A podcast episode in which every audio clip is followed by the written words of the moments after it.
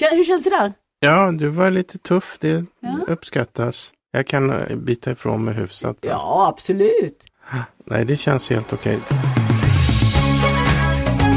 Pocketpodden. En podd för dig som älskar pocket. Halloj! Händer det dig att du känner dig som en väldigt liten människa i en stor och stökig värld? Att du känner dig både maktlös och deppig när du tänker på planetens och barnens framtid? Men du, det är inte läge att sitta här och snyfta. Så skulle man kunna sammanfatta Stefan Einhorns bok Konsten att göra skillnad. Och det är den vi ska prata om idag här i podden. Professor Einhorn är på ingång. Och sen blir det redaktörsbesök om Jennifer Clements Gun Love. En roman som går rakt på en av de mest infekterade frågorna i USA, nämligen rätten att bära vapen. Där har vi dagens avsnitt och jag heter Lisa Tallroth. Konsten att göra skillnad är en liten bok om vårt stora ansvar. Nätt skrift, men den kastar sig ut med ögonen på framtidens globala ödesfrågor. Och välkommen till Pocketpodden Stefan Einhorn. Du är författare men också cancerläkare och forskare. Tack så mycket. Ja, jag går rakt på och undrar vad det är för slags skillnad du tänker att vi ska försöka göra. Ja, vi lever ju i en oerhört eh, fascinerande tid för att den eh, tekniska och vetenskapliga utvecklingen har skapat fantastiska möjligheter. Vi lever allt längre, vi botar allt fler sjukdomar. Svälten, fattigdomen i världen minskar, men samtidigt så dyker det upp allt större faror vid horisonten. Vi har en accelererande miljöförstöring i många länder, en produktion av massförstörelsevapen. Och eh, de förbättrade transportmöjligheterna har lett till att epidemier sprids på ett sätt som vi inte hade kunnat föreställa oss för några decennier sedan. Så jag skulle säga att mänskligheten idag balanserar på en knivsägg mellan möjligheten till en fantastisk utveckling och risken att förstöra alltihop. Och eh, det jag vill understryka det är att vi är inte maktlösa. Det är inte bara stora politiker, företagsledare, opinionsbildare som kommer att forma framtiden, utan framtiden den formar vi tillsammans. Vi har alla ett ansvar. Vi kan alla göra skillnad. Det är bokens andemening.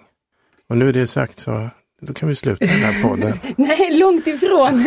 För nu är det ju så att du, du rör dig ju mellan stort globalt, abstrakt, eh, moraliskt, filosofiskt tänkande, men också att du pratar med mig som enskild individ och läsare. Så vad tänker du att lilla jag kan göra åt detta, denna framtidsscen som du har målat upp? Ja, men vi kan alla påverka i vår närmiljö och eh, även bortanför den. Jag menar om en liten gåva till välgörande ändamål kan rädda livet på ett barn, då kan vi omöjligt säga att vi är hjälplösa. Eh, vi har eh, människor som mår dåligt i vår närhet som vi kan hjälpa och stötta. Vi kan gå med i en frivillig organisation och hjälpa till på det sättet. Det finns eh, oändligt många möjligheter att göra skillnad. Jag skulle säga att varje dag eh, innehåller massor med möjligheter att göra skillnad om vi bara håller ögonen öppna. Mm. Men om vi skulle gå ut här på, på gatan och hugga en människa så tänker jag att det är väl ändå ganska sannolikt att det är någon som är på väg till sitt arbete, som jobbar, som eh, betalar skatt, som eh, kämpar för att ta hand om sina barn, som ringer sina föräldrar, som kanske sköter ett fotbollslag och sitter i någon bostadsrättsförening eller ja, räcker inte det? Nej, men, eh, människor gör ju väldigt mycket gott som det är. Jag, jag tycker vi, eh, vi möter ständigt människor som har medkänsla, empati.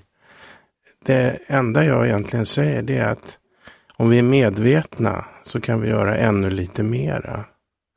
Och eh, det gagnar inte bara vår omvärld, det gagnar också oss själva. För det är visat i ett antal vetenskapliga studier att vi tjänar faktiskt på att göra goda gärningar. Hjälpa och stötta andra. Ja, bland annat så aktiveras ett eh, njutningscentrum, ett belöningscentrum i vår hjärna när vi gör en god gärning eller samarbetar. Vi, vi njuter alltså av att göra det. Mm. Och det är samma njutningscentrum som blir aktiverat av narkotika. Mhm. Så det är ju goda nyheter. det är starkt beroendeframkallande helt enkelt. Ja, och det är inga biverkningar. Det här, det här... Och det är bara ett exempel. Det finns mm. ju andra studier som visar att om jag gör en god gärning för dig Lisa så ökar sannolikheten att du gör något gott för mig. Och inte bara för mig utan att du gör något gott för andra människor också. Och du har i boken lyfter du upp många så intressanta studier just på hur människor, eh, till exempel hur man påverkas av att hjälpa andra. Och jag, har ingen jag är helt med och förstår detta när det handlar om den här typen av hjälp där man tittar en, en människa i ögonen och, och, ser att eh, här hade jag en chans att göra någonting, jag gjorde det och jag ser vad det betyder. Man får liksom en slags eh, kvitto eller resultat på att man har bidragit. Men när jag tänker på det här stora globala perspektivet som du ju också adresserar i boken. Just nu brinner det i Australien och vi har svältkatastrofer i, i Jemen till exempel. Där får jag ju som enskild person aldrig titta någon i ögonen och känna att det här gav resultat? Kan man liksom få samma njutningseffekt som du säger när vi ska försöka ta tag i de här jätteproblemen? Ja, men alltså vi kan inte låta det, det bästa vara det godas fiende. Vi kan inte säga så här att om inte jag kan stoppa bränderna i Australien eller göra fred på jorden så är det ingen idé att jag gör någonting. Alltså det, våra handlingar sprider sig som ringar på vattnet och får konsekvenser långt bortom det vi kan mäta. Och då kan man säga så här att ska man slå ut med händerna och säga att det spelar ingen roll vad jag gör för konsekvenserna är oöverblickbara. Och då säger jag nej, så ska man inte resonera. Man ska säga att jag ska försöka göra mitt bästa och det är gott nog. Och så hoppas jag att konsekvenserna blir så bra som möjligt. Men det är klart att människor kan känna sig små. Det gör jag också. Man känner sig liten, man känner att man inte kan påverka. Men vi har möjligheter alltid att agera. Vi har alltid möjligheter att göra skillnad i det lilla och i det stora. Och den lilla handlingen kan få väldigt stora konsekvenser. Du ger ett antal sådana exempel i boken på människor som som försöker göra precis det här, skillnad i den kontext där de verkar. Och du skriver bland annat om din mamma Nina Einhorn som ju tillsammans med din pappa Jerzy Einhorn startade Radiumhemmet och arbetade där också i samma bransch som du och jobbade med cancerforskning. Och det är en historia där när du, när du själv har blivit vuxen och du ser hur din mamma, vi berättar om det där, när hon, hon jobbar med sina cancersjuka patienter och vad är det hon gör? Ja, på den tiden mm. la man in eh, radium, en bit radium, vid vissa former av underlivscancer hos kvinnor då. Och min mamma var gyn-onkolog. Och eh, då utsatte hon sig, när hon la in det här radiumet, för ganska stora strålmängder. Och eh, idag gör man det på ett annorlunda sätt så att riskerna är mycket mindre. Men jag frågade henne, är det verkligen rimligt att du gör det här? Hon kunde göra det 10-12 gånger per dag. Och då sa hon att, ja, vem ska göra det om inte jag gör det? Jag kan ju inte lämna ifrån mig ansvaret och riskerna till någon annan. Och vad tänkte du då? Ja, jag tänkte väl att det var naturligtvis väldigt fint resonerat. Men jag var ju samtidigt orolig för min mamma förstås. Och eh, hon fick ju sedermera bröstcancer och eh, vi, vi, man kan inte säga att eh, hon fick det på grund av det här, men eh, det, kan, eh, det kan ha påverkat. Och eh, hon, hon tog sitt ansvar. Mm. Men, men, men hon gick ju då som alla människor på den här balansgången mellan att ta ansvar för sig själv sina närmaste kanske. Nu var du vuxen men du, om du hade varit, hon hade haft småbarn istället som hon skulle hålla sig levande för. Jag tänker att det, det är väl där kanske som vi, de flesta av oss är, att vi hela tiden funderar på vilket, vilket ansvar har jag som är störst gentemot mina närmaste? Eller hur mycket kan jag riskera eller offra för dem för att ta ett större ansvar? Förstår du hur jag tänker? Ja, men vi lever i ett överflödssamhälle. Jag förstår och håller med dig om det resonemanget i många samhällen på vår jord där, där man måste lägga kraften på att eh, se till att få mat för dagen och tak över huvudet och att eh, barnen inte ska dö i enkla infektionssjukdomar. Men vi lever i ett överflödssamhälle. Vi har resurser. Jag, jag säger inte att man måste eller ska offra familjen. Absolut inte. Jag säger att vi har möjlighet att göra ännu mer. Var det här en diskussion ni hade i din uppväxt? Jag tänker mig att, att du har förebilder kanske i dina föräldrar här. Alltså min pappa är ju min för, stora förebild, eh, speciellt yrkesmässigt och klokhetsmässigt. Och han jobbade ju väldigt mycket när vi var små. Han var ju någon form av arbetsnarkoman. Han jobbade säkert en 80-100 timmar i veckan. Och det tycker jag var knepigt. Eh, jag har ju sedermera skrivit en bok om min pappa som heter just Pappan. En bok som jag är väldigt nöjd med. Den har också kommit i pocket. Men jag, eh, jag har inte tagit efter honom i det avseendet. Jag har varit pappaledig och jag har försökt eh, måna om mina barn. Även om jag inte har levt upp till mina ideal. Frågade ett par av mina barn för en tid sedan hur jag varit som pappa och då sa de, vill du ha det korta eller det långa svaret? Och då sa jag det korta. bra, bra, sa de. Okej, okay, då tar jag det långa. Ja, i stort sett bra, men du, du hade ett lite häftigt eh, temperament och du jobbade lite för mycket. Och då tänkte jag, ja det där låter ju faktiskt som en liten miniatyr av min egen pappa.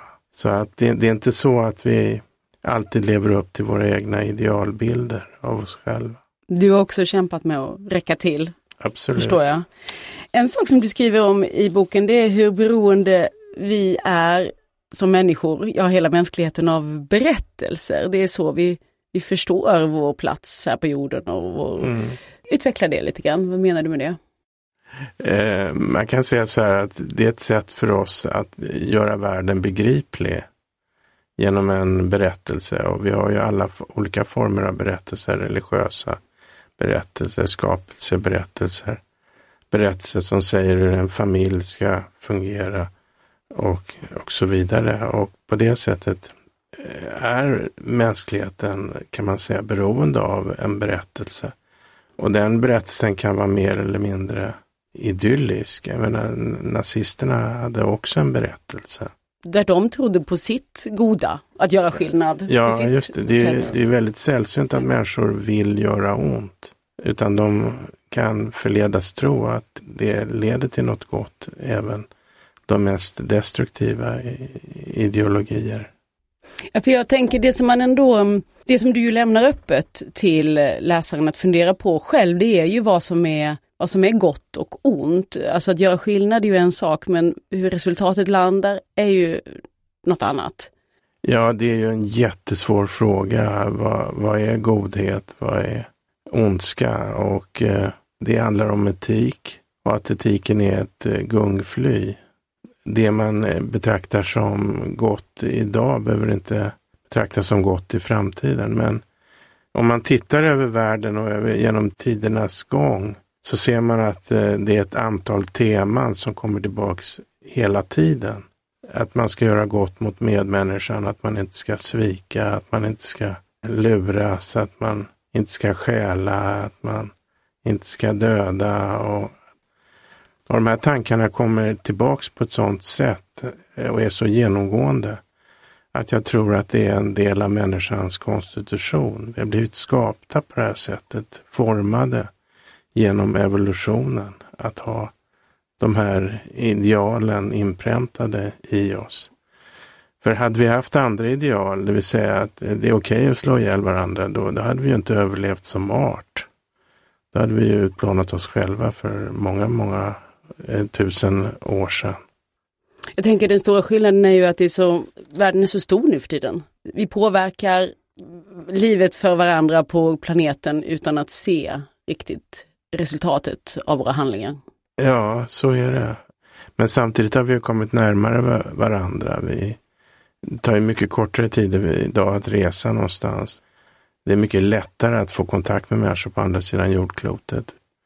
Och eh, vi tycker ju ofta att vi lever i, vi har en benägenhet att uppleva omvärlden som eh, att våra tider är svåra tider. Men det finns ju väldigt mycket som Eh, är positivt i det här tidevarvet. Antalet krig är mindre än på många år. Antalet som har dött i väpnade konflikter är, är färre än på många år. Analfabetismen minskar. Kvinnans ställning i samhället blir allt starkare. Mycket går åt rätt håll. Tilltalet i boken, denna lilla eh, nätta sak som det ju är, konsten att göra skillnad, är ju till den enskilda personen.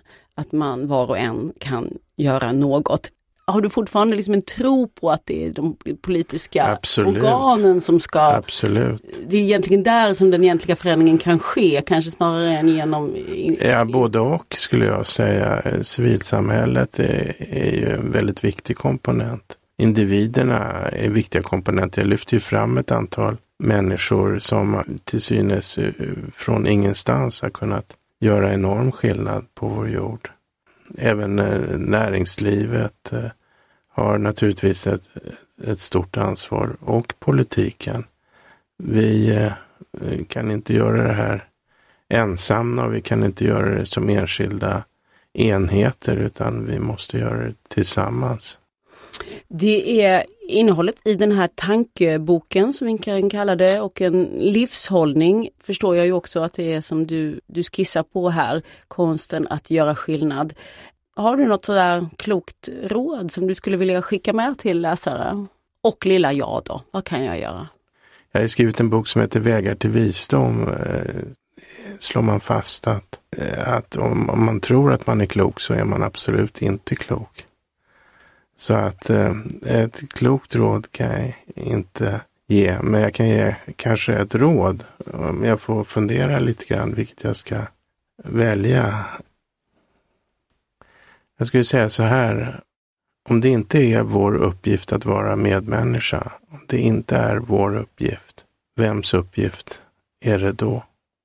Det får bli slutorden tycker jag. Tack så mycket för att du kom hit Stefan Einhorn, författare till många böcker, men den vi har pratat om nu är konsten att göra skillnad. Tack Lisa, tack för ett fint samtal. Du lyssnar på Pocketpodden nu om en bok som det är flera personer som har sagt att det här är någonting jag måste läsa. Författaren heter Jennifer Clement. Gun Love heter romanen och Anneli Eriksson, du är redaktör på Bonnierförlagen. Ett fan har jag förstått. Ja, jag tyckte om den jättemycket. Eh, Jennifer Clement är en mexikansk-amerikansk eh, författare som slog igenom eh, 2015 med En bön för de stulna.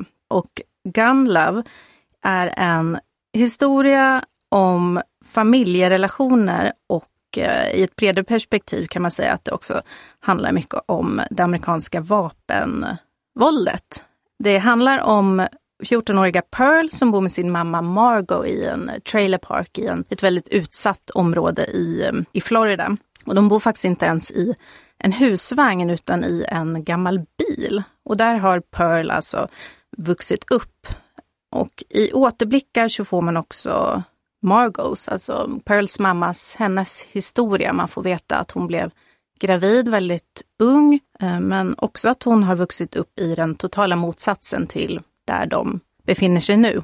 Sen vet man inte riktigt som läsare om det, en, om det verkligen är en trovärdig historia. Det känns som att hon, hon brer på lite och överdriver kanske lite också. Och det, det är spännande det också, det perspektivet, att man inte alltid vet vad som är sanning. Det låter ju som en väldigt drabbande och mörk scen. Vad är det som har fångat dig i den här Jo men så är det verkligen. Så är det verkligen. Det är, det är mycket knark, det är närvarande hela tiden. Knarkhandeln och även då vapenhandeln. Men det som verkligen har fångat mig i läsningen är ju, ja men dels är det den här väldigt nära relationen mellan mamman och dottern. Den står över den här den ruffiga miljön som de bor i och även vapenvåldet och fattigdomen.